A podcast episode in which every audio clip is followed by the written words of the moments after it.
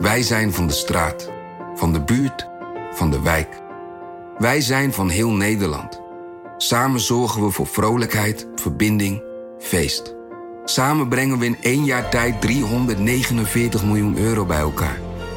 Miljoenen waarmee onze goede doelenpartners de wereld groener, gezonder en rechtvaardiger kunnen maken. Nationale Postcode Loterij. Samen voor een betere wereld.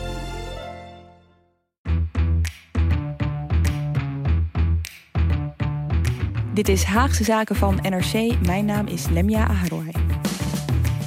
Bijna alles op en rond het Binnenhof is nu gericht op het bestrijden van het coronavirus. Het gaat, ook in het enige debat dat er tegenwoordig nog in de plenaire zaal van de Tweede Kamer plaatsvindt, heel veel over inhoud. Maar er is ook nog politiek. Want voor twee CDA-bewindspersonen met sleutelposities in het coronadossier staat er de komende tijd meer op het spel. Financiënminister Wopke Hoekstra en volksgezondheidsminister Hugo de Jonge die willen allebei de nieuwe leider van het CDA worden na de volgende Tweede Kamerverkiezingen. Of zoals ze het zelf zeggen, ze denken er serieus over na. De Jonge is nu eindverantwoordelijke in het bestrijden van het coronavirus en Hoekstra is verantwoordelijk voor het kostenplaatje van de gevolgen daarvan. In deze Haagse Zaken bespreken we hoe het deze ministers vergaat. Je hoort wat er opvalt in hun optredens tot nu toe. Hoe deze worden ontvangen in binnen- en buitenland. En wat dit betekent voor hun positie binnen het CDA. En dat doe ik vandaag met Stefan Alonso. Op anderhalf meter afstand van mij. Stefan, hoe gaat het? Ja, goed. Als je daar blijft zitten gaat het uh, goed met me. ik doe mijn best. En uh, Guus Valk op afstand. Grote afstand, dus veilig. Ja, gaat goed? Ja, ja, ja het gaat, uh, gaat heel goed met mij. Ja, je begint inmiddels beginnen we al een beetje te wennen om jou gewoon uh, op, op afstand bij ons te hebben. Ja, toch? Ik vind het ook wel ergens, ergens wel werken of zo op een of andere manier. Het is eigenlijk, uh, het is eigenlijk best verfrissend een keer, wat, een keer niet om het binnenhof rond te lopen. Wat, wat zie jij nu om je heen? Kun je ons een beetje meekijken, waar, mee, meenemen in... heb je een raam in, in, in je buurt? Zeker. Mijn werkkamer kijkt uit op, uh, op een soort van bos. En um, daarachter is een spoorlijn en ik zie daar een ooievaarsnest. Dus ik heb, heb ook echt iets oh, om naar te kijken. Je ziet echt uh, ontwikkeling ook ja. gewoon. Je ziet iets, iets, iets ja, veranderen. Ja, ja, zeker. Vet. Oké. Okay. Nou, fijn dat, jullie, uh, fijn dat jullie hier allebei zijn. En laten we beginnen met um, die minister die tot voor kort eigenlijk nog niet eens een hoofdrolspeler was in dit hele coronadossier. Hugo de Jonge. Guus, op 1 maart toen waren er tien coronapatiënten gemeld in Nederland. Uh, dat was ook de dag waarop een ziekenhuis in Gorkum de deuren sloot. Omdat er een patiënt was gevonden met, uh, met corona. Maar jij was tegelijkertijd gewoon nog in Amsterdam. Het kon nog. Uh, met Hugo de Jonge tijdens operatie Interview, hè? Het rare is dat dat een maand geleden is. En ik denk, wat is, wat is de wereld ongelooflijk veranderd... als ja. ik terugdenk aan toen. Um, Hugo de Jonge was inderdaad toen te gast uh, in de Bali. Ik was er ook bij. En ik moest hem interviewen voor inderdaad het programma Operatie Interview. Um, het ging natuurlijk even over corona, maar um, hij kapte dat eigenlijk meteen af. En zei, ja, dat, daar ga ik niet over. Daar gaat mijn collega Bruno Bruins over. Ik ben hier om over andere dingen te praten. Ja, maar u heeft een collega die dat, de, de verantwoordelijkheid verdraagt, hè? Uh, corona bedoel je? Ja, ja. ja, zeker. Bruno is in charge. Juist, Absoluut. Ja. juist, juist. En u wordt een beetje bijgepraat af en toe wel? Ja, af en toe. Af en toe. Als ik hem niet op een talkshow zie, dan bel ik hem. Ja. Want ik heb je al een uur niet in een talkshow gezien. Ja. Uh, hoe gaat het? En uh, dan word ik even bijgepraat weer. Ja, zeker. Is er reden voor paniek? Nee, er is geen reden voor paniek, maar wel voor alertheid. Ja. Ja, zeker. Ja. Wat je hier hoort is, uh, is, Hugo de Jonge die helemaal geen zin heeft om over corona uh, te praten. Hij wordt hier nog geïnterviewd door Martijn de Greven. En uh, die, die, die, die teest hem natuurlijk een beetje. Het is toch de minister van Volksgezondheid. Mm -hmm. um, maar nee, het ging daar niet over. Het ging die dag over, over, over uiterlijk in de politiek. Het ging over regeren met Forum voor Democratie. Een kwestie die nog steeds actueel is in Noord-Brabant. Het ging over de toekomst van het CDA. Het ging over zijn toekomst. Zijn, zijn, zijn een beetje uitgespeelde rivaliteit met Wopke Hoekstra. En nu zijn we een maand verder en Hugo de Jonge is de chef corona geworden. En uh, is ook het gezicht, zou je kunnen zeggen, van de coronabestrijding uh, uh, geworden. Wat me toen opviel bij Hugo de Jonge toen ik hem in Amsterdam zag... is zijn kenmerkende, beetje nonchalante en, en, en stijl. hij kan heel veel woorden gebruiken om, om weinig te zeggen. Maar ik ben ook eigenlijk wel benieuwd, en jij volgt hem beter... want je bent ook met hem op stap geweest, Lemia... Um, hoe past hij zijn eigen persoonlijkheid toe in hoe hij nu te werk gaat? Ja, daar moest hij eventjes aan wennen, viel mij op. Want wat jij, wat jij beschrijft, hè, die 1 maart... ik bedoel, uh, twee weken later stond hij er als chef corona... zijn eerste persconferentie te houden. Ehm, dat was samen met Mark Rutte. En, en die jongen moest toen ook uh, meteen best wel verregaande maatregelen bekendmaken. Namelijk dat er in verpleeghuizen geen bezoek meer mocht komen. En hij had dus een paar uur van tevoren gehoord: oké, nu word jij chef corona. Uh, Rutte had hem eigenlijk meteen gebeld nadat Bruno Bruins zijn ontslag had ingediend. En die had hem eigenlijk niet eens meer de vraag gesteld. Het was meer een mededeling van: oké, nu, kom, nu komt het aan op jou, uh, Hugo. Die taak die moet jij overnemen van Bruins. En, en ik moet zeggen, ik zag daar een Hugo de Jonge die ik totaal niet herkende in de. Nou ja, ik volg hem nu samen met collega Peter de Koning sinds november 2018. Um, ja, omschrijft het al, hij is redelijk nonchalant. Uh, het is de man van de vele werkbezoeken, uh, die, die altijd de juiste toon weet te vinden. Of hij nou tegenover een kleuter staat, of tegenover een dementerende ouder, of tegenover uh, een patiënt, een, een, cliënt in de jeugdzorg die vertelt over zijn traumatische uh, jeugd. Weet je wel, hij weet altijd de juiste toon te vinden. Straalt altijd een soort van zelfverzekerdheid uit.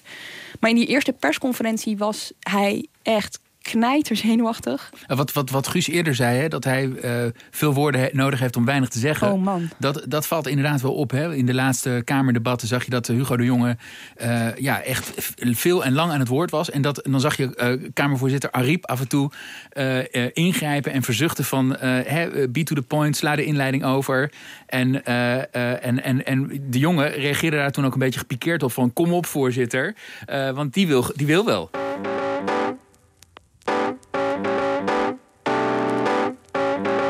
Ik zou het zeer op prijs stellen als gewoon concreet antwoord wordt gegeven op de vragen. Ja, voorzitter, ik denk dat ik hiermee, want ja. anders ga ik wel veel uitweiden ook over andere nou, dat Ik denk dat we het hier even bij moeten. Volgens mij heb ik die concrete toezegging al gedaan, voorzitter. En dat is? Ik... Voorzitter, zullen we naar blokje 2 gaan? Ja. Daar was u al een tijdje aan toe. Maar hoe lang denkt u nodig te hebben om daar... Voorzitter, ik, ik ga gewoon de antwoorden geven ja. op de vragen zoals die gesteld zijn. Ja. Overigens is dit ook een, een, klacht van zijn eigen ambtenaar hoor. Ook die uh, verzuchten wel eens dat 's ochtends uh, bij het eerste overleg op het ministerie de jongen altijd erg veel woorden nodig heeft om al dan niet een punt te maken. Ja, ja. je wordt niet altijd beloond met een punt uh, als je naar hem luistert. Ook dat nog. Ten eerste viel mij Hugo de Jonge zelf ook de spot drijft hiermee. Want op zijn Instagram-account, waar hij, waar hij echt voortdurend updates plaatst, plaatst hij onder meer ook een, een screenshot van een artikel van de Speld, parodie-site. Waar staat Hugo de Jonge dubbele punt. Ik blijf praten tot 28 april. Um, en dan schrijft hij erbij, daag me niet uit, knipoog. Um, maar hij ook. speelt daar zelf ook ja. mee. Ja. Het is dus geen onzekerheid. Het is, het is iets wat hij zelf ook wel leuk vindt of zo. Hij is, dus, ja, hij is, en hij wat, is zich wel wat, van ik, bewust. wat ik merkte in, uh, in Operatie Interview ging het daar ook even over. Um, en toen zei hij dat hij dus ook bewust vaak niks zegt en heel veel woorden gebruikt. Omdat hij merkt dat als hij wel iets zegt, dat, dat dan vaak, uh, ja, dan wordt hij daar hard op afgerekend. Uh, hij is berekenend geworden in zijn, in zijn publieke optredens. En dat zie je aan, um, aan, aan, ja, aan, aan de zekere wolligheid die er nu om hem heen hangt. Dus dat is ook deels uh, ja, bewust, uh, bewuste strategie. Ja, maar tegelijkertijd roept het af en toe wel de ergernis van de Kamer op ook. Hè? Ik bedoel, als het gaat om uh, iets heel concreets als de capaciteit in Duitsland, weet je wel, om, om Nederlandse patiënten, IC-patiënten op te nemen. Uh, dan wordt die vraag dus echt gesteld door nou, eerst Wilders, vervolgens Ascher, vervolgens Marijnissen. De Kamervoorzitter die, die benoemt dat ook op een gegeven moment van... oké, kom nou maar met een antwoord, want het is al de derde keer dat die vraag wordt gesteld. Weet je wel? Dus het werkt hem ook wel tegen. Het, het, het, wekt een soort ergernis op, merk ik ook wel. Het roept in de Kamer ergernis op. In het eerste debat van Hugo de Jonge viel me dat trouwens meer op... dan in het, uh, in het laatste debat van uh, afgelopen woensdag. Um, toen leek hij ook meer ja, to the point te zijn. Ook, ook sneller te willen antwoorden als de Kamer daarom vroeg. Ik wilde daar nog wel over zeggen dat, dat die rol van, van projectminister Corona wel past bij de manier waarop uh, Hugo de Jonge als politicus uh, en ook als bestuurder uh, graag acteert.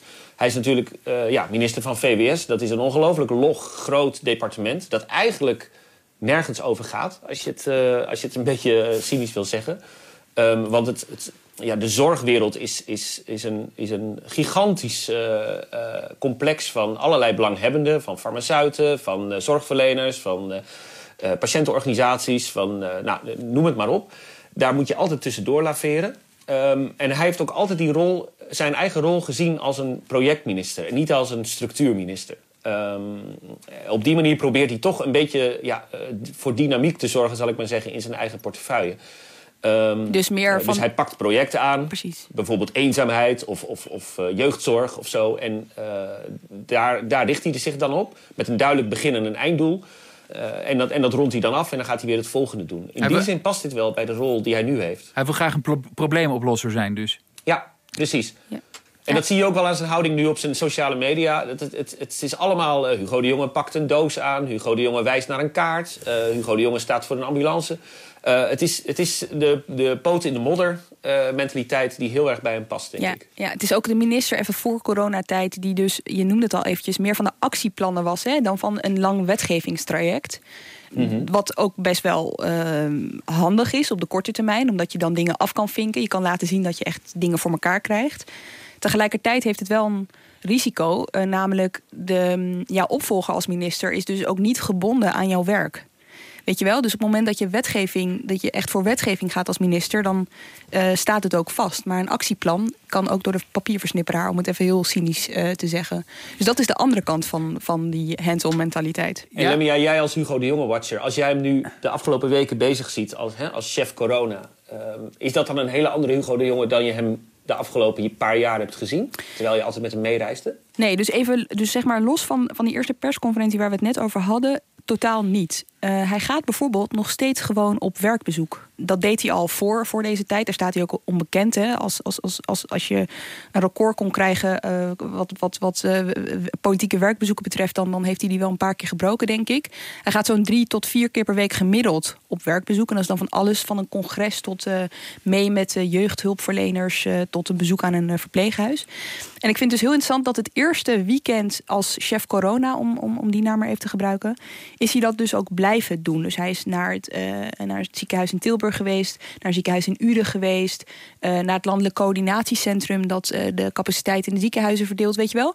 Die mondkapjes, daar, daar plaatste hij foto's van de eerste lading toen hij binnenkwam, nog voordat zijn eigen mi- ministerie daar een persbericht over had, eh, had uitgedaan. Overigens bleek een week later dat die eh, mondkapjes eh, teruggeroepen moesten worden, omdat het toch niet aan de kwaliteitseisen voldeed. Dus wat dat betreft zie ik geen verschil. Maar wat, wat ik me wel afvraag, hè, hij moet toch ook in de tijd dat zeg maar, Bruno Bruins nog aan de knoppen zat, moet hij toch ook eh, zich hebben bemoeid eh, met, met dit dossier op de een of andere manier? Nou ja, dat is dus interessant. Zijdelings. En eigenlijk heel lang bijna niet. Ehm, dus de afspraak op het departement was... Bruno Bruins, die heeft de leiding, die is in charge. Die is ook het gezicht naar buiten toe. Die doet de communicatie. En eh, de jongen ondersteunt waar nodig. Dat betekent dus dat die jongen ook wekenlang niet aanschoof... bij het dagelijkse crisisoverleg op het ministerie van VWS of eh, bij eh, de MCCB, eh, het ministeriële crisisberaad, dat, twee we- dat twee keer per week bij elkaar komt. Dat gebeurde pas in het weekend waarop besloten werd dat de scholen gesloten zouden worden. En dat komt ook omdat zijn eigen portefeuille ouderenzorg, daar begonnen toen te rommelen. Dus er waren ouderenorganisaties zoals Actis en die begonnen te, te zeggen van... Hey, hoe kan het dat de kwetsbaarste groep voor, voor dit virus, hè, ouderen, dat daar nog heel weinig maatregelen zijn genomen, terwijl zij wel het grootste risico lopen? Pas toen begon die jongen zich te roeren. Ehm, ik heb me laten vertellen dat hij de dag daarna, toen kwam die speech van Rutte, weet u nog, die, die tv-speech. Ehm, toen heeft hij wel eh, gebeld met eh, de fractievoorzitters eh, uit een aantal, van een aantal oppositiepartijen om ze alvast op de hoogte te brengen van wat Rutte ongeveer zou zeggen. Dus die rol nam hij wel op zich. Maar het is dus best wel gek dat hij eigenlijk dus pas vier dagen heel intensief bezig was met het coronadossier toen hij er eindverantwoordelijk voor werd. Het is best kort. Ik denk ook dat de rol van het ministerie in die week dat hij er zit ook veranderd is. Ehm, in de zaterdagkrant staat een eh, grote reconstructie van Mark Liefse Adriaanse en eh, Dirk Stokmans over eh, hoe VWS eigenlijk de regie in dit dossier lange tijd niet had en nu langzaamaan, langzaamaan terug begint te, te, te pakken. Het gaat bijvoorbeeld over de te- enorme tekorten aan beschermingsmiddelen, hè, mondkapjes bijvoorbeeld. Heel lang heeft het ministerie eh, de eigen rol vooral ingevuld als een soort van monitor. Want wij kijken hoe, eh, hoe de sector omgaat met dit, eh, met dit probleem en, en wij brengen dat in kaart. Het heeft heel lang geduurd voordat VWS ook dacht: oh wacht even, wij moeten dit dus ook zelf gaan oplossen. Ehm, ik kan me niet aan de indruk onttrekken dat ook het instappen van de jongen daar wel uh, voor een ander accent heeft gezorgd. Ik moet nu denken aan um, toen het uh, stikstofdossier, weet je nog wel? Dat dossier dat zo groot was voordat corona er was. Oh ja. Um, ik, ik, toen dat zo vastliep, toen, dat heb ik ooit gereconstrueerd samen met Peter de Koning. het liep op een gegeven moment gewoon helemaal vast in het kabinet. En degene die je toen los wist te trekken, uh, was Hugo de Jonge. Die, die zorgde er toen voor, grappig genoeg, met een belletje naar het RIVM. Uh, dat er bepaalde berekeningen kwamen, kwamen die nodig waren om uiteindelijk uh, die maatregel te kunnen nemen van 100 km per uur. Weet je wel? Ik zeg dit nu allemaal en ik denk echt, wow, dat waren dingen waar iedereen zich toen de tijd echt enorm druk over maakte. Een andere film. Maar zijn rol daarin was dus ook uh, die van um, een impasse losweken, als je snapt wat ik bedoel. Weet je wel, ervoor zorgen dat iedereen weer in actie komt. Dus wat dat betreft uh, heeft hij zich wel bewezen. Hoewel dat totaal niet vergelijkbaar is met uh, de taak die hem nu te wachten staat. Of de, waar hij nu mee bezig is. Ja. Ja, en toch herinner ik me uh, de, bij het eerste optreden van de jongen als, uh, als chef corona. Uh, jij was erbij, Lemia, bij die, bij die persconferentie die hij toen gaf. En ik weet nog dat, dat we daar ook even over appten toen. Hm. jij vond dat hij er gespannen uitzag, hè, toen? Ja, precies. En als je, we gaan even gewoon, even, misschien kunnen we naar een stukje luisteren. Want als je heel goed let op zijn stem, dus doe, doe, je ogen even dicht en, en let goed op zijn stem. En dan hoor je het ook wel. Bruno heeft in de afgelopen maanden alles gegeven om de Nederland door de crisis te leiden. Alles gegeven wat in zijn vermogen lag. Alles gedaan wat daarvoor nodig was. En namens iedereen in Nederland, en ik denk in het bijzonder namens al die hardwerkende collega's op het ministerie van Volksgezondheid, voor wie dit ook een grote schok is, zeg ik hen daarvoor grote dank. Hey, hoor, hoor, je, hoor je de, de, de zenuwen? Ja, je hoort zijn adem zo uh, Precies. omhoog gaan de hele tijd. En uh, ja, nee, inderdaad. Ik herkende dus niet echt de Hugo de Jonge die ik daarvoor altijd had gezien. En ik liep na afloop van die persconferentie ook met hem mee. Die vindt altijd plaats bij Justitie en Veiligheid Ministerie. En ik liep met hem mee naar het ministerie van Volksgezondheid. En ik stelde hem een vraag. Ik weet eigenlijk niet eens meer precies wat die vraag was. Want ik was zo onder de indruk van wat er daarna gebeurde. Want hij begon je kon merken dat zijn adrenaline zo hoog zat. Ken je dat, dat, dat je dan zo, uh, dat je adrenaline, adrenaline zo hoog zit dat je bijna begint te ratelen? Mm -hmm. Dus dat je, dat je eigenlijk gewoon heel veel woorden eruit gooit zonder dat er een, een, een boodschap in zit. Nee, dat is wat er gebeurde. Ik moet zeggen, ik was er best wel van onder de indruk. Ik dacht van oké, okay, dit betekent dus dat hier, dat hij, ja, dat hij er echt nog even aan moet wennen of zo. Ja, ja. En, en hoe, hoe is dat nu, vind je? Is uh, toch ja, anders. Ja? ja, hij heeft zich natuurlijk in korte tijd flink moeten uh, inlezen. Uh, maar wat dat betreft, hè, om weer even terug te komen op die werkbezoeken. Kijk, dit is een man die heel veel werkbezoeken aflegt. En tegelijkertijd hoor je vanuit het werkveld. Want die vraag stelde ik dan ook wel eens na afloop zo, van zo'n werkbezoek aan, aan, aan, aan een directeur van een verpleeghuis bijvoorbeeld. Van wat vind je hier nou van?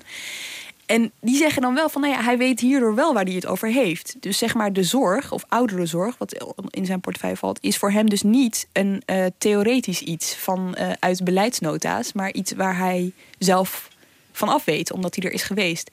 En wat dat betreft zijn die werkbezoeken nu ook interessant. Ik ben dus afgelopen weekend bijvoorbeeld met hem mee geweest um, naar een uh, verpleeghuis. Waar, waar werd verteld over tekort aan mondkapjes en de gevolgen daarvan voor de zorg. En dat betekent dus ook hierin dat hij dus meer ziet dan alleen maar zorgen op papier, als je snapt wat ik bedoel. Ja, zeker. Ja. Het, is het is makkelijker om daarna het verhaal in de Tweede Kamer te reproduceren, zeg maar. Als je weet wat er op de grond speelt. Ja, en dat doet hij overigens ook wel heel vaak hoor, ja. in de Tweede Kamer. Uh, dan noemt hij er een voorbeeld bij ja. van, van een plek waar hij is geweest en wat hij heeft gezien. Ja. Overigens is het tijdens die Kamerdebatten ook wel heel interessant om te letten op Ariep. Hè? Um, dus af en toe je blik even ver, ver, verzetten naar Ariep. Want die, dus we hoorden haar net al eventjes in de wanhoop af en toe. Maar soms legt ze ook letterlijk haar hoofd in haar handen. als hij weer met een paar voorbeelden komt. Bij het laatste debat zei Hugo de Jonge bij zijn inleiding dat hij geen inleidende verhalen uh, uh, zou houden. Ariep drong daarop aan. En dan pro hij protesteert dan nog een beetje. En zegt hij nou, nou, nou, nou. En dan, en dan hoor je Rutte in de achtergrond roepen: Vind ik ook. Dus blijkbaar is ook in de ministerraad wel doorgedrongen dat, uh, dat, dat de jongen inderdaad soms wat veel. Wat veel ruimte inneemt. Ja, wat ik overigens wel, ik ben wel benieuwd hoe jij er naar kijkt, Guus. zeg maar, die opstelling van de Kamer hè, tegenover zo'n minister. Normaal um, kun je een minister doorzagen en dan gaat het over politiek. Weet je wel? Dus dan heeft hij bijvoorbeeld wel iets, maar dan wil hij het niet geven. En dan kan je daarover uh, soebatten. Maar dat is nu natuurlijk heel anders. Als het gaat over die IC-capaciteit bijvoorbeeld. Het is niet dat hij een politieke reden heeft of een belang heeft om die bedden niet vrij te geven of zo. Hij moet gewoon kijken wat er wel of niet beschikbaar is. Uh, dat, dat maakt het debat met zo'n minister natuurlijk ook best wel ingewikkeld. Ja, maar dat, dat, uh, dat, dat maakt dat het een debat wordt dat heel erg gaat over, uh, over uitvoering. En veel minder over bijvoorbeeld ideologie of, mm. over, of, of, over een minister klem zetten. dat, dat merk je aan de interrupties bijvoorbeeld van Lodewijk Asscher, maar ook wel van Geert Wilders bijvoorbeeld. Dat ze hem ook echt.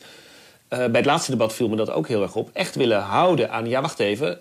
u schermt de hele tijd met allerlei noodscenario's. Wanneer gaat het dan precies in en hoe beslist u dat dan? En wat doen we dan als er zondag, uh, als u inderdaad heeft gezorgd voor 2400 uh, IC-bedden, zoals u heeft beloofd, maar als er al heel gauw veel meer nodig blijkt? Um, dus in die zin vind ik het ook wel weer, ja, dat, dat heeft ook iets verfrissends of zo, vind ik in, in het politieke debat. Dat, ja. het, dat het echt gaat om de uitkomst en niet zozeer om vliegen afvangen. Precies, precies. Het zijn eigenlijk hele inhoudelijke debatten, grotendeels. Ze worden ook steeds inhoudelijker. Ja, ja. Um, want de, de eerste uh, coronadebatten waren natuurlijk ja, hopeloos. Die gingen over alles en nog wat. Over Nederland in en beweging. En dat was nog de Kamer een soort in de oude groef. Van, van wij gaan de minister even flink aan de tand voelen.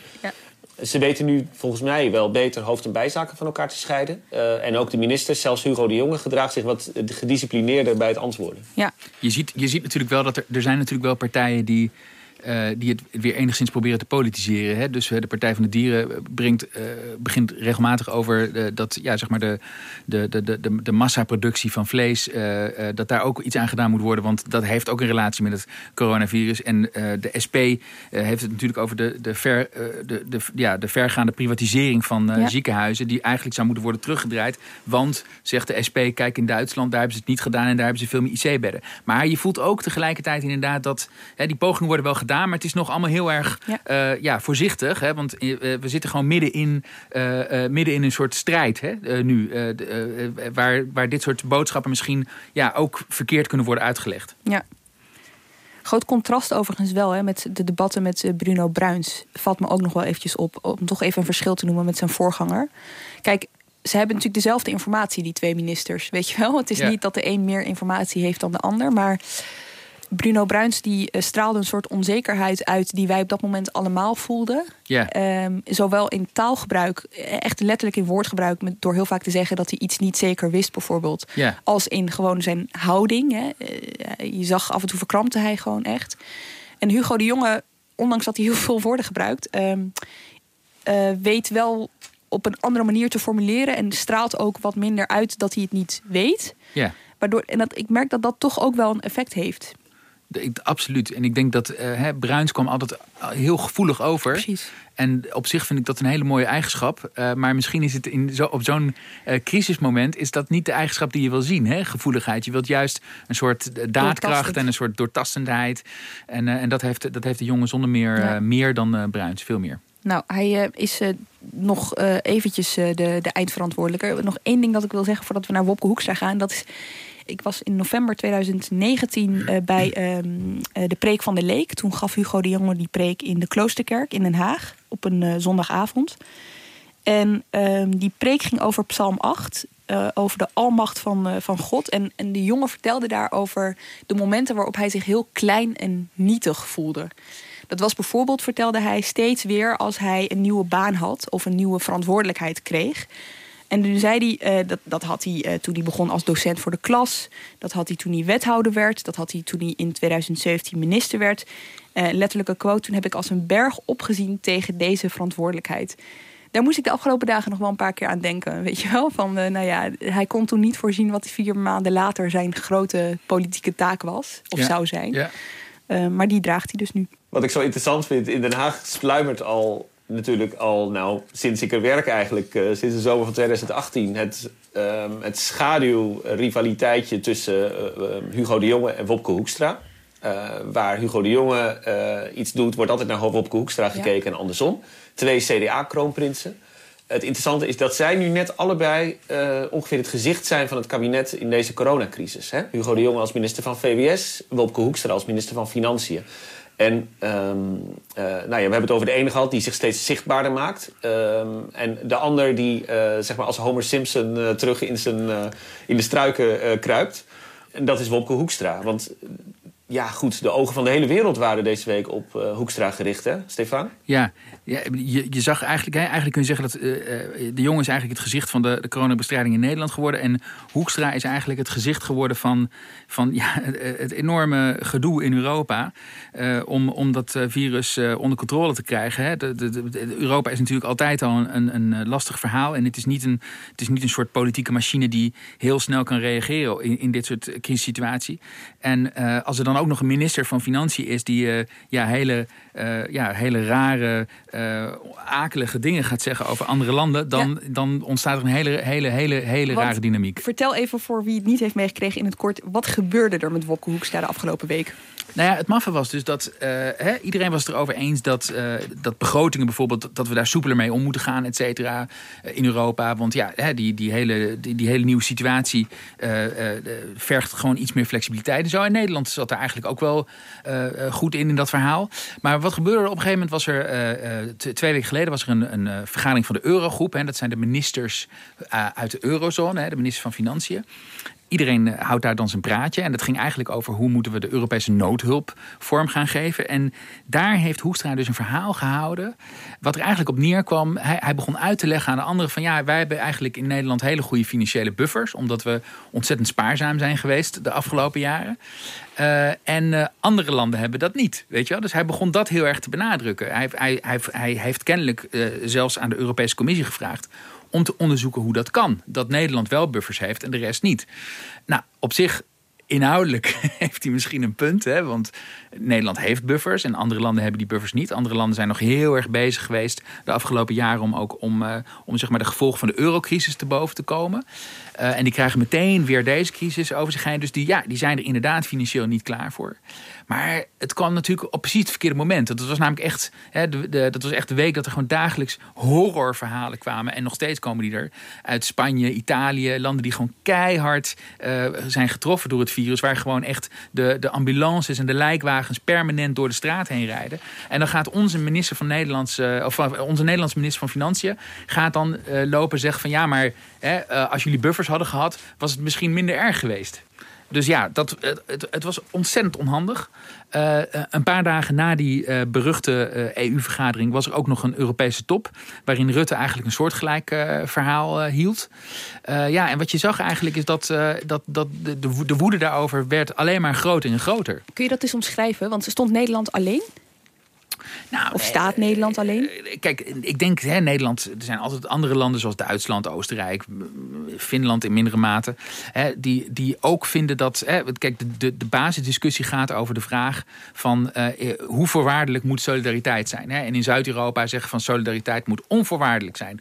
En, uh, en, en in Nederland vinden we van ja, maar wacht even. Als we leningen gaan geven aan landen, hè, want er zijn allerlei Europese noodfondsen. Als we daar leningen uit gaan geven, dan moeten die leningen op een gegeven moment ook worden terugbetaald. En dan moeten allerlei beloftes worden gedaan dat landen hun best zullen doen om in de toekomst wel buffers bijvoorbeeld op te bouwen.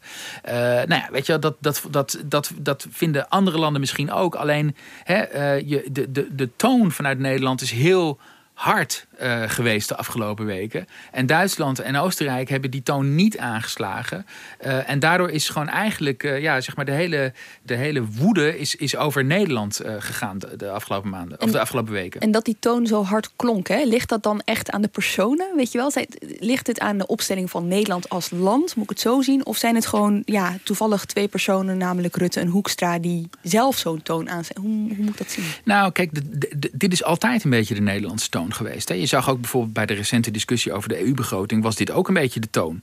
Alleen inmiddels leven we in een andere film. Eh, de, de, deze crisis is, zo extreem dat je zeg maar de, financiële afspraken uh, die, je, die je daarvoor hebt gemaakt, die zijn eigenlijk nu niet meer van toepassing. Er moet nu iets nieuws worden bedacht, omdat er een compleet nieuwe situatie. Uh, bij de vorige crisis kon je nog zeggen van ja, sommige landen hebben hun, hun financiën niet op orde, dat kon je ze aanwrijven. Maar het coronavirus is gewoon iets wat iedereen raakt en het raakt bepaalde landen op dit moment harder. En dat zijn ook economische economisch zwakkere landen, die daar dus veel meer last van gaan krijgen nog. Guus, die toon van, uh, van Hoekstra, die, die heeft in het buitenland nog wel wat woede gewekt, maar ook wel binnen de coalitie. Hè? Want ik zag D66 bijvoorbeeld wel daar op, op hun eigen manier op reageren, laat ik het zo zeggen. Ja, die verweet hem boekhoudersmentaliteit. Ik heb de afgelopen week uh, veel rondgebeld in de, in de coalitie... om te kijken hoe, hoe het gevallen was. Nou, uh, het bleek afgelopen uh, maandag bij het coalitieoverleg... echt het, gesprekspunt te zijn. Um, de analyse van D66 en de ChristenUnie was... dat Hoekstra Nederland voor gek had gezet, een miskleun had begaan... en bovendien ja, echt, echt schade heeft berokkend... Want ze zeiden, ja, hoe moet dat nou, weet je, als we zo uitliggen in Europa... en ook landen die het met ons eens zijn, uh, eventjes uh, gewoon uh, tactisch zwijgen... staan we gewoon enorm voor gek. Dat kan ons, dit kan ons jarenlang achtervolgen. Dus hij heeft ongelooflijk op zijn, op zijn donder gekregen. Ik kon alleen eigenlijk bij ja, CDA en VVD waren enigszins uh, vergoeilijkend. Mm. Uh, ik sprak Klaas Dijkhoff en die zei... ja, ach, uh, het hoort ook een beetje bij het theater dat bij Europese politiek hoort. Die Zuid-Europese landen doen altijd zo dramatisch. Je moet een beetje nuchter naar de cijfers kijken. We zeggen niet zozeer iets anders dan wat we normaal zeggen. Allemaal waar, misschien. Maar um, het, het, het, is natuurlijk de timing die het, uh, die het verschil maakt. En uh, ja, als bij iemand een huis in brand staat en je, en je zegt... ja, wacht eens even, uh, ik ga niet blussen voordat ik alle verzekeringspapieren heb bekeken. Ja. Um, dat is natuurlijk vrij ongepast. Dus uh, het dwong Hoekstra uiteindelijk tot een zekere uh, ja, terugtrekkende bewegingen. En dat gebeurde in het uh, RTL Z-interview dat, hij, dat hij gaf op woensdag. En ik vind wat wij ons moeten aantrekken is dat dat dus echt te weinig empathisch is gedaan. En dat we dat in ieder geval zo hebben verwoord dat dat vooral tot weerstand heeft geleid. Dat moet je gewoon, die conclusie moet je gewoon trekken. Zo eerlijk moet je gewoon zijn. Nou, we, gaan, we zijn al met elkaar in gesprek en we zullen ook over deze onderwerpen met elkaar in gesprek blijven. Dit is een soort van ik, uh, betreurde ontstaan ophef.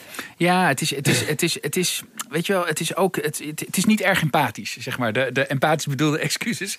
Uh, uh, de, de, dus je merkt gewoon dat we dat. Nederland heeft altijd deze neiging hè, om zich in Europa op deze manier op te stellen. En een aantal jaar geleden was het ook helemaal niet zo erg. Want we konden ons verschuilen achter de, de brede schouders van de Britten. Uh, achter de brede schouders van Duitsland en zo. Maar sinds de brexit uh, zie je dat, dat dat niet meer kan. Duitsland is een beetje onzichtbaar uh, de, de, laatste tijd. Want ja, die, die zitten ook verwikkeld in een soort leiderschapsstrijd rondom Merkel, et cetera. Dus de schijnwerpers staan nu opeens heel erg op Nederland. En als je dan precies dezelfde vrij botte toon hebt, die je een aantal jaar geleden ook had, dan valt die bottentoon opeens heel erg op. Dus dat, dat, dat, is, dat is eigenlijk wat hier gebeurd is. Dat men onvoldoende heeft beseft dat we in een nieuwe situatie terecht zijn gekomen die echt een andere toon vergt ik vond bijvoorbeeld ook Rutte deze week, die in, het, in, in de Kamer kwam die dus met een coronafonds aanzetten. Hè? Een soort, uh, het idee is dan dat we allerlei ziekenhuisapparatuur daaruit gaan bekostigen. En dat Nederland daar substantieel aan wil bijdragen. En dan gebruikt hij het woord gift. Hè? Hij zegt van het zijn geen leningen die moeten worden terugbetaald. Het is een gift. Hè? En dan de ondertoon is het is een gift van ons, het rijke Nederland, aan de rest van de wereld. Terwijl wat de rest van de wereld eigenlijk wil horen, denk ik, is dat Nederland dit soort giften niet doet omdat uh, het, uh, het per se, zeg maar, ja, in solidariteit wil uitstralen. Maar omdat Nederland doet dit soort giften uiteindelijk ook omdat we met z'n allen in dat bootje zitten in Europa. En omdat Nederland er zelf ook beter van wordt als andere landen in Zuid-Europa niet omvallen. En dat zit er nog steeds niet in. Dus het, het blijft heel erg spannend. Het, is, nou ja, het gekke is ook dat er natuurlijk uh, inhoudelijk hoor ik niet zo heel veel uh, licht tussen wat Hoekstra nu beweert en wat hij een week geleden zei. Dus hij, hij vindt nog steeds zo'n coronafonds een goed idee. Daar, daar, daar begon hij in maart ook al over. Um, uh, dus het, het, het, ja, de terugtrekkende beweging die hij maakt gaat puur om de toon. En um, ik vraag me af of hij snapt dat um, in Zuid-Europa dit nu op dit moment helemaal niet, niet het onderwerp is. Dus um, het wordt wat dat betreft denk ik komende week ook nog een hele lastige... als hij weer zijn collega's uh, onder de ogen moet komen uh, uit Europa... Om, om hier toch een, uh, ja, toch een chique uitweg uit te vinden. Ja. Um, ik, ik, ik, zie dat hij echt ook in de internationale pers een enorme kop van jut is. Um, als je zijn Instagram-account bekijkt en, en, naar zijn post kijkt, die, die worden, de, de comments eronder zijn allemaal uh, poep-emojis van allerlei uh, mensen. Waar, joh? Het is echt wel, het is ook bij, dat is ook wel een soort geestig terzijde, maar het, maar het, het toont wel aan dat hij uh, het gezicht daarmee is geworden van, van ja, een verkeerde zuinigheid. Ja, kijk, en dit, dit is Nederland natuurlijk al eens een keer eerder overkomen met Jeroen Dijsselbloem ook, hè, die op een gegeven moment. die was de Snapsum vrouwen, hè, dus die, die had gesuggereerd dat ze in Zuid-Europa te veel geld uitgeven aan drank en aan vrouwen. En nou, dat was een beetje een onschuldig bedoelde opmerking, maar dat pakte totaal verkeerd uit. En het is eigenlijk steeds heel jammer, want bij Jeroen, hey, Jeroen Dijsselbloem was eigenlijk ja, een prima Eurogroepvoorzitter. Heeft ook hele goede dingen gedaan in Europa. Hè, gezorgd dat banken veiliger werden en zo. En dan vervolgens, het enige wat mensen onthouden van Jeroen Dijsselbloem is de snaps van vrouwen. En dit is natuurlijk ook wat Hoekstra gaat overkomen. Weet je, iedereen zal zich altijd herinneren hoe hij zich heeft opgesteld in deze crisis. Dit, dit vergeet nooit iemand meer. En, ik denk wel dat er een verschil is in het publiek. Hè? Want, want um, ik denk dat, de, dat veel van de opmerkingen die uh, Hoekstra maakte over, um, uh, ja, ik zal maar zeggen, uh, begrotingsdiscipline in andere Europese landen um, ook voor het Nederlands publiek bedoeld waren. En uh, daar gaat het deze hele coronacrisis denk ik al vaker mis. Um, je zag het ook bij de uitspraken van Rutte uh, in zijn eerste toespraak tot de natie over groepsimmuniteit. Um, dat wordt misschien binnenlands wel goed begrepen, maar in het buitenland kijkt ze naar en denkt ze: wat, wat zegt hij nu? Mm -hmm. ja. En uh, dat, dat gebeurde hier denk ik ook een beetje. Ik denk dat hij vanaf het begin in Nederland de rol, een, een paar dingen duidelijk wilde maken. Ten eerste uh, raak niet in, in, paniek, weet je wel. Uh, uh, whatever it takes, zei hij de hele tijd. Als het ging om het redden van de Nederlandse economie. En ook, ook Europees zou hij zich op het standpunt plaatsen dat, dat solidariteit belangrijk was. maar dat Nederland wel kritisch zou, zou blijven kijken. En dat, dat kwam denk ik binnenlands misschien wel over. Maar in het buitenland is dit natuurlijk volkomen het verkeerde signaal. Ja, wat, wat, dat, dat, klopt. En, en, en, en wat heel erg interessant is, is dat als je zeg maar, de Nederlandse discussies over corona en economische steunmaatregelen volgt, dan heb je echt het gevoel dat we op een eiland wonen. Hè, waar gewoon, uh, ja, ik bedoel, verder is er niemand. Je, je, je ziet bijvoorbeeld ook tijdens Tweede, tweede Kamerdebatten.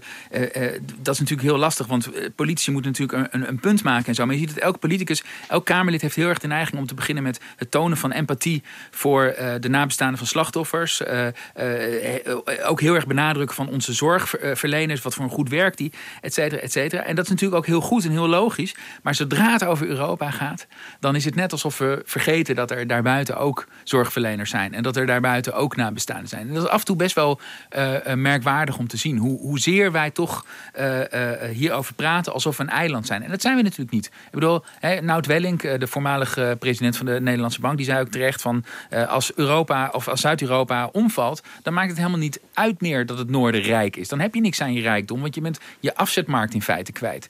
Eh, als de EU ophoudt te bestaan, ben je je afzetmarkt kwijt. Dus het, dat is af en toe wel heel erg merkwaardig aan, uh, aan het Nederlandse debat. Wat mij opviel bij deze terugtrekkende bewegingen is dat Rutte eigenlijk volkomen buiten schot is gebleven. En ook buiten het zicht van de internationale pers is, is gebleven. Uh, terwijl wat Hoekstra uitdraagt is gewoon het kabinetstandpunt. Hè? Ook Rutte pleit voor uh, zo'n coronafonds. Uh, en heeft ook gepleit voor hervormingen in, in de Zuid, Zuid-Europese economie.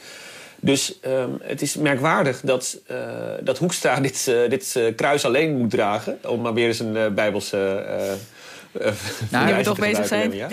Ja. Nu we toch bezig zijn. Um, nou, terwijl Rutte hier uh, volkomen buiten schot blijft. Ja, Rutte, Rutte zei natuurlijk wel uh, deze week in de Tweede Kamer... dat uh, alles wat Hoekstra hierover had gezegd bij RTL Z... dat het ook 100% namens hem was. Hij, hij wilde heel erg benadrukken dat, dat, dat Hoekstra gewoon... dat dat heel goed was afgestemd.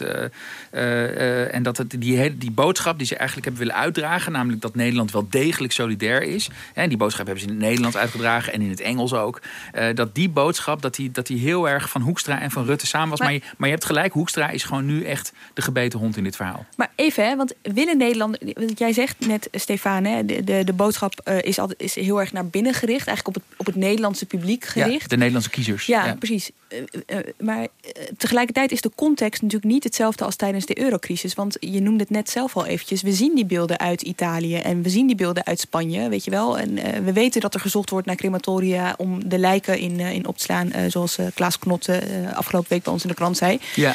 Dus is dat dan nog steeds de boodschap die Nederlanders willen horen? Zo'n harde opstelling?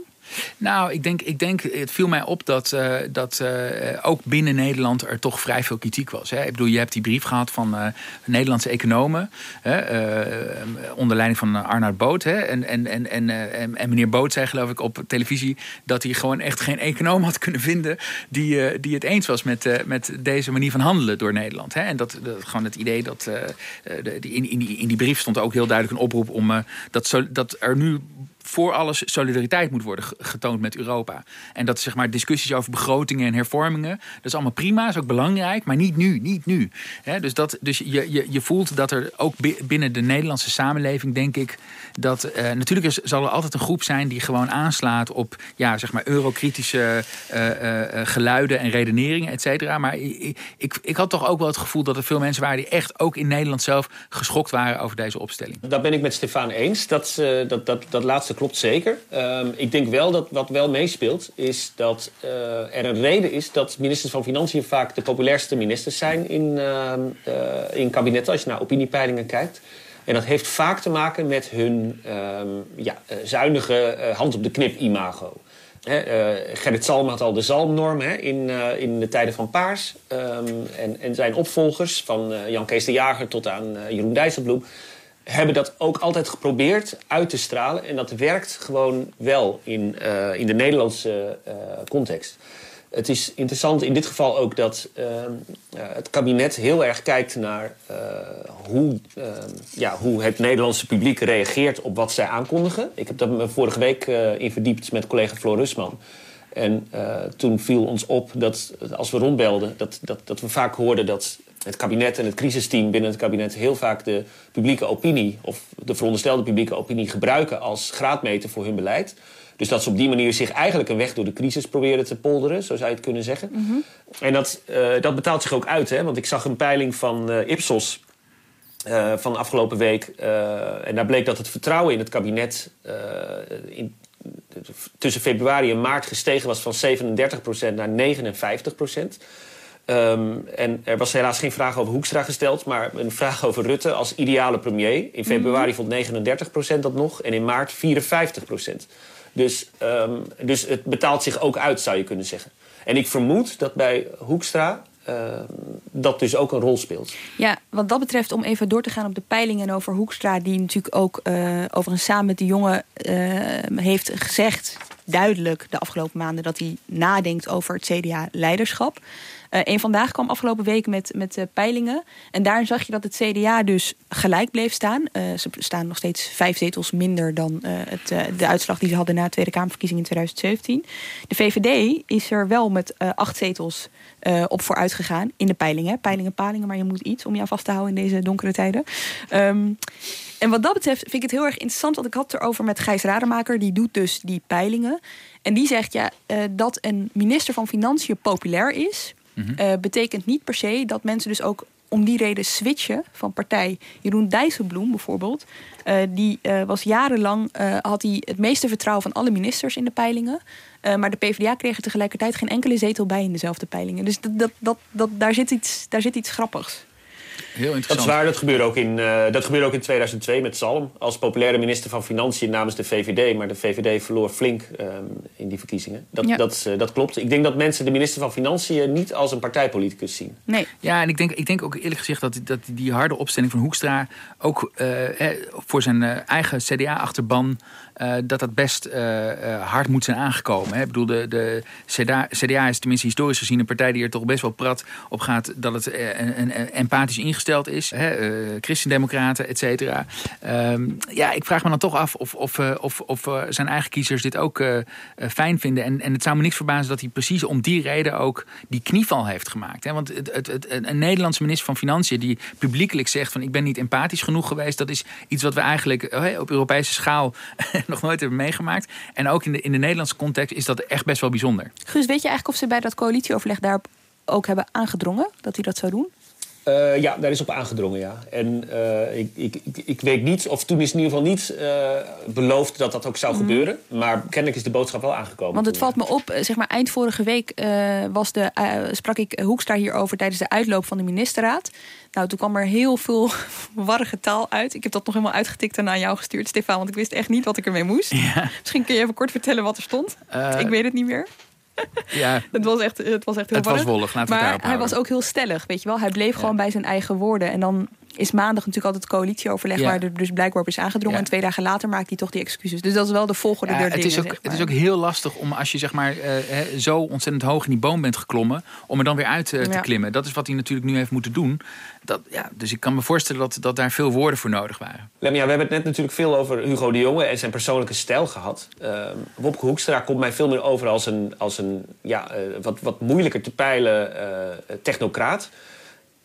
Jij hebt natuurlijk ook met hem de hele tijd meegereisd, want je volgde zij in het begin en Ja. Hoekstra en Ja. de Jonge. Ehm, eh, heb jij toen indrukken van hem gekregen dat je denkt van... hé, hey, met, die brik, met, die, met die bril op ga ik nu naar hem kijken? Nou ja, hij is, ehm, hij is een stuk zakelijker dan de jongen. Ik denk dat ik hem zo zou, eh, zou eh, samenvatten. Dus ik heb, hem, ik heb hem vooral veel gezien voor klassen. Eh, want hij geeft vaak lesjes over het ministerie van Financiën... en over hoe je om moet gaan met geld. Dat doet hij echt best wel regelmatig. Gaat hij gewoon langs op, bij scholen door heel Nederland.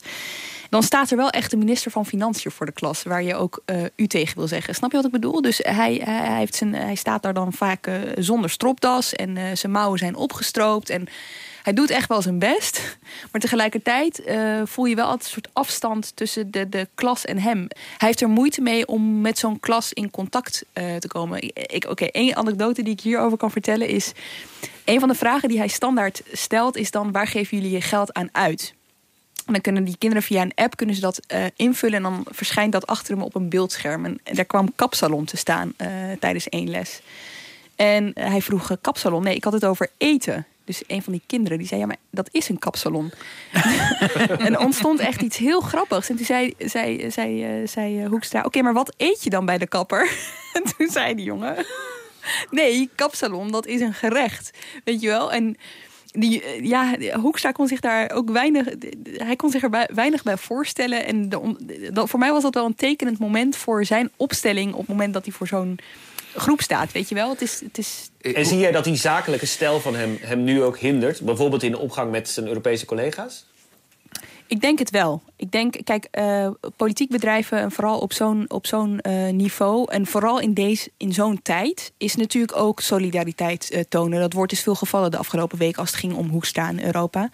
En daar heb je een soort natuurlijk, dat moet een natuurlijke eigenschap van je zijn ook, om aan te voelen wanneer je het iets meer moet hebben over emotie dan alleen maar over ratio. En ik heb het gevoel dat dat bij hem niet zo vanzelfsprekend is. Ik, ik heb eh, Hoekstra nog net meegemaakt toen ik eh, correspondent was in Brussel. Tijdens zijn, eh, na afloop van zijn eerste Eurogroep verscheen hij voor de journalisten. En toen vroegen wij hem van, nou, wat heeft u daar lopen vertellen? En toen vertelde hij dus dat hij had uitgelegd aan zijn Europese collega's... dat Nederland ook grote offers had gebracht in de eurocrisis. En eh, er viel een soort eh, ongemakkelijke stilte bij de journalisten. Van, eh, hè, dat het was namelijk midden in de Griekse geldcrisis. En weet je, er lagen allemaal landen lagen gewoon op een gat.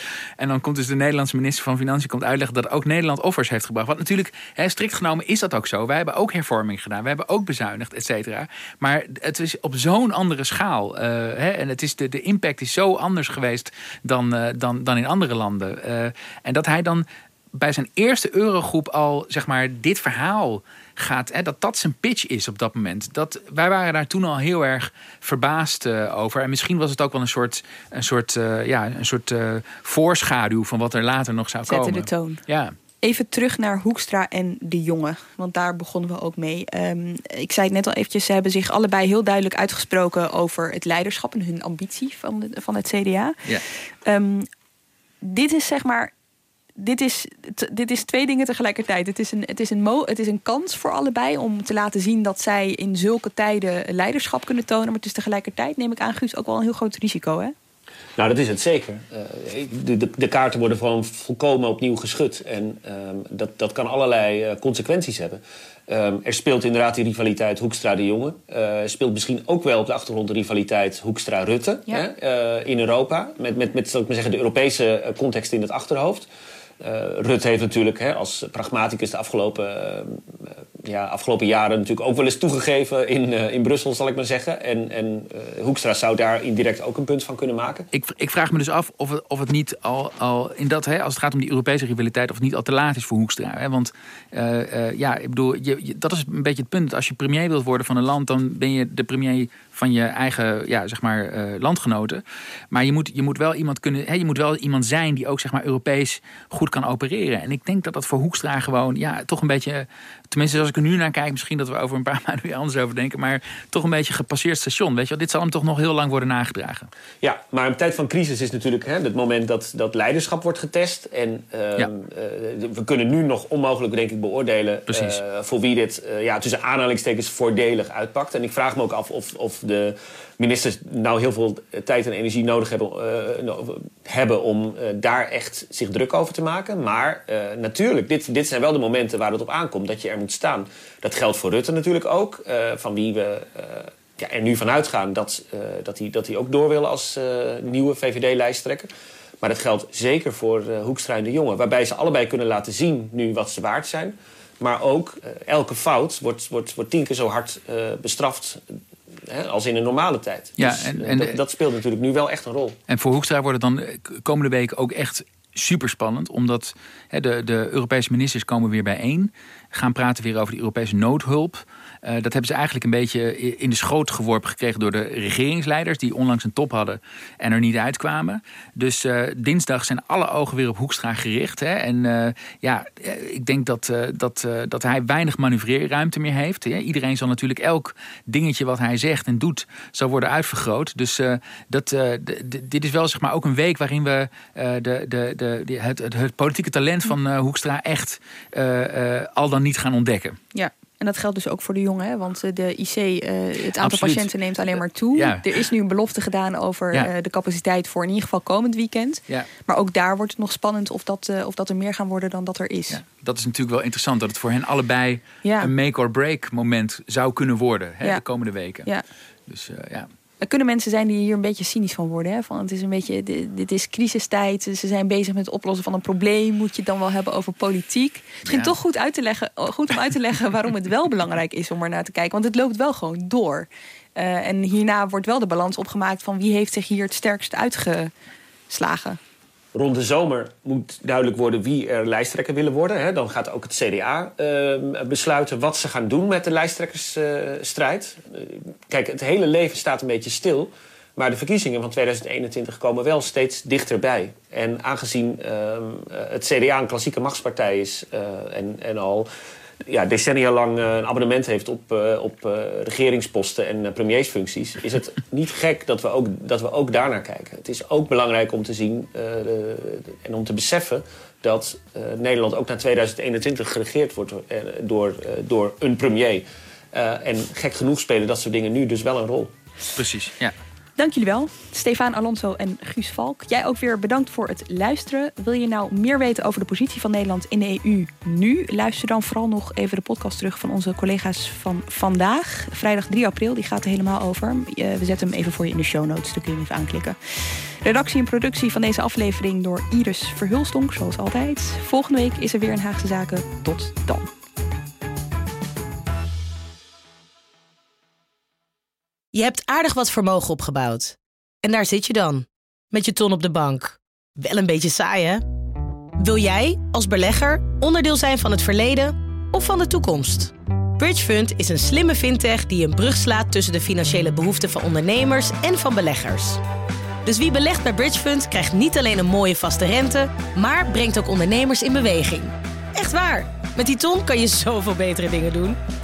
Bridgefund. Make money smile.